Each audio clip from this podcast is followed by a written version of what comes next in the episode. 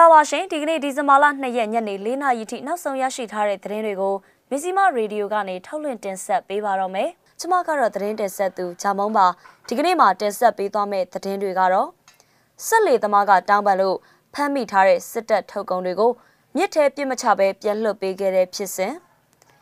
ISP မြန်မာအဖွဲ့ရဲ့သူတေသနာ editor ကိုအောင်မျိုးထက်ထောင်နှစ်နှစ်ချခံရတဲ့သတင်းမွန်ပြည်နယ်မှာလအတော်ကြာရန်နာထားတဲ့မြို့ဝင်ကြီးတွေ ပြန်လည်ကောက်ခံနေတဲ့အကြောင်းအပါအဝင်မက္ကဆီကိုနိုင်ငံမှာလက်နက်ကင်ဒူးစရဲအဖွဲ့ကအကျဉ်းထောင်ကိုဝင်စီးတဲ့သတင်းကိုလည်းတင်ဆက်ပေးပါမယ်ရှင်။ချင်းတွင်းမြစ်ကြောင်းထဲဆက်လေနှစ်စီးနဲ့တင်ဆောင်လာတဲ့စစ်တပ်ထုတ်ကုန်ပစ္စည်းတွေကိုဖမ်းဆီးရမိခဲ့ပေမဲ့ဆက်လေသမားကပစ္စည်းတန်ဖိုးကိုသူကိုယ်တိုင်ပြန်လည်ပေးလျော်ရမှာဖြစ်တဲ့အကြောင်းပြောပြီးတောင်းပန်ခဲ့တယ်လို့သိရပါတယ်။ဒါကြောင့်အဲ့ဒီထုတ်ကုန်ပစ္စည်းတွေကိုမြစ်ထဲပြစ်မချပဲပြက်လွတ်ပေးလိုက်တယ်လို့နှလုံးလှလူမိုက်ကြီးများအဖွဲ့က ဒီကနေ့မှထုတ်ပြန်ထားပါတယ်။အကိုတို့ကစစ်ကောင်စီပိုင်းပစ္စည်းတွေမို့ဖြက်စီးမှာဖြစ်ပေမဲ့အခုပစ္စည်းတွေရဲ့ပျက်စီးမှုတန်ဖိုးအတိုင်းဆက်လေသမားကပေးလျော်ရမှာဖြစ်နေလို့ပါ။အဲ့ဒါကြောင့်ဒီတစ်ခါခွင့်လွှတ်ပေးလိုက်တာပါလို့အဖွဲ့တာဝန်ရှိသူကပြောပါတယ်။စစ်ကောင်စီပိုင်း BOC 73စီတွေကိုတန်ခွန်ဆက်လေနဲ့ချင်းတွင်းမြစ်ကိုဖျက်ပြီးတင်ဆောင်လာမှာဖြစ်တဲ့ကြောင်းသတင်းရလို့နှလုံးလှလူမိုက်ကြီးများဖွဲ့နဲ့ Brothers Revolution Force မြောင်တို့က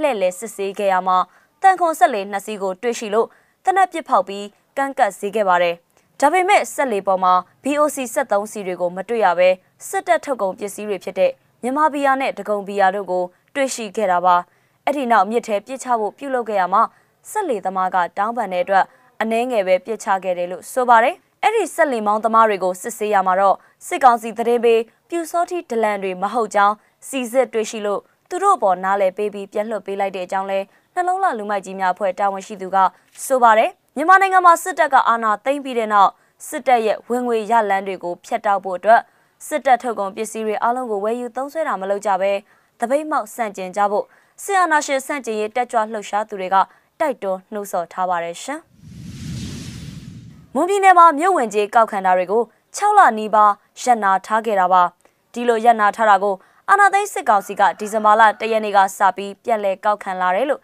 တန်လွင် Times မှာဖော်ပြထားပါတယ်။မြို့ဝင်ကြီးကောက်ခံနေတဲ့ဂိတ်တွေကိုစစ်ကောင်စီက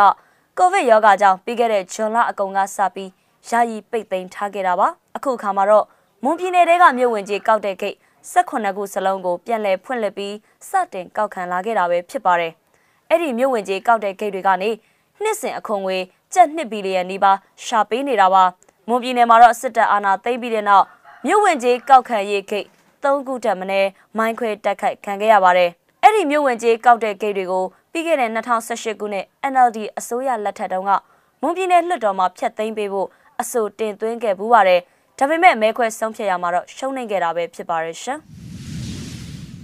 ISP မြန်မာမှာသူတေသနာ editor အဖြစ်အလုပ်လုပ်နေတဲ့သူကိုအောင်မျိုးထက်ကိုစစ်ကောင်စီကထောင်နှစ်နှစ်ချမှတ်လိုက်ပါတယ်။သူ့ကိုစကိုင်းတိုင်းကမ်ဘလူမြို့နယ်မှာဖမ်းဆီးခဲ့တာပါ။ကိုအောင်မျိုးထက်ကိုစစ်ကောင်စီလက်အောက်ခံ ကမ်ဘလူမြို့နယ်တရားရုံးကပုံမှန်905ကကြီးနဲ့နိုဝင်ဘာလ30ရက်နေ့မှာထောင်ဒဏ်2နှစ်ချမှတ်လိုက်တာလို့မြန်မာ Press Freedom in Depth ကထုတ်ပြန်ပါတယ်။ကိုအောင်မျိုးထက်ကိုဧပြီလ20ရက်နေ့မှာလက်ဖက်ရည်ဆိုင်ထိုင်နေတဲ့အချိန်စစ်တပ်ကဖမ်းဆီးခဲ့တာပဲဖြစ်ပါတယ်ရှင်။နောက်ဆုံးသတင်းအနေနဲ့နိုင်ငံတကာသတင်းကိုလည်းတင်ဆက်ပေးပါမယ်။မက္ကဆီကိုနိုင်ငံမှာလက်နက်ကင်ဒူးစရိုက်အဖွဲ့က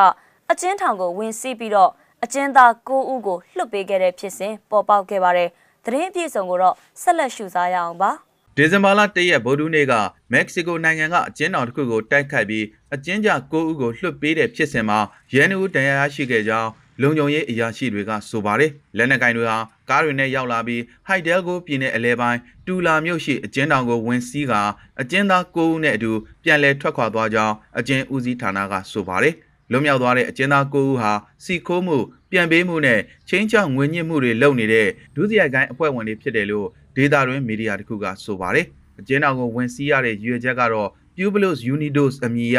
ဒုစရိုက်ကိုင်းတီထောင်သူကိုကယ်ဆယ်ဖို့ဖြစ်တယ်လို့အမည်မဖော်လိုသူရဲသတင်းရင်းမြစ်တခုကဆိုပါတယ်လက်နက်ကင်ဒုစရိုက်အဖွဲ့ဟာမြို့တွင်တနေရာကကားတစ်စီးကို အာယုံလွှဲဖို့ရည်ရွယ်ချက်နဲ့ဖောက်ခွဲလိုက်ပြီးအမျိုးမြင်မသိရသေးတဲ့အကြီးစားရင်တစည်းနဲ့အကျဉ်းတောင်ဒကမာကြီးကိုတိုက်ဖွင့်ဝင်ရောက်ခဲ့တယ်လို့သတင်းတွေမှာဖော်ပြပါရှိခဲ့ပါတယ်။မက္ကဆီကိုနိုင်ငံမှာအုပ်စုဖွဲ့ကျူးလွန်တဲ့ရာဇဝတ်မှုတွေနဲ့ဆက်နွယ်နေတဲ့အကြမ်းဖက်မှုတွေကိုကာလတာရှည်ရင်ဆိုင်လာခဲ့ရတာဖြစ်ပါတယ်။တရားဝင်ကိန်းဂဏန်းတွေအရ Federal အစိုးရကစစ်တပ်နဲ့ပူးတွဲပြီးအငင်းပွားပွဲရာမူရစ်စေဝါနှိမ်နင်းရေးစစ်ပွဲဆင်နွှဲချိန်2006ခုနှစ်ဒီဇင်ဘာကစလို့ တည်ဆုံးသူအရေအတွက်ဟာ3သိန်းကျော်သွားခဲ့ပြီလို့သိရှိရပါတယ်။မစ္စည်းမရေဒီယိုရဲ့ညနေ၄နာရီအထိနောက်ဆုံးရသတင်းတွေကိုတင်ဆက်ပေးခဲ့တာပါစောင့်မျှော်နားဆင်ပေးခဲ့ကြတဲ့အတွက်ကျေးဇူးတင်ပါတယ်ရှင်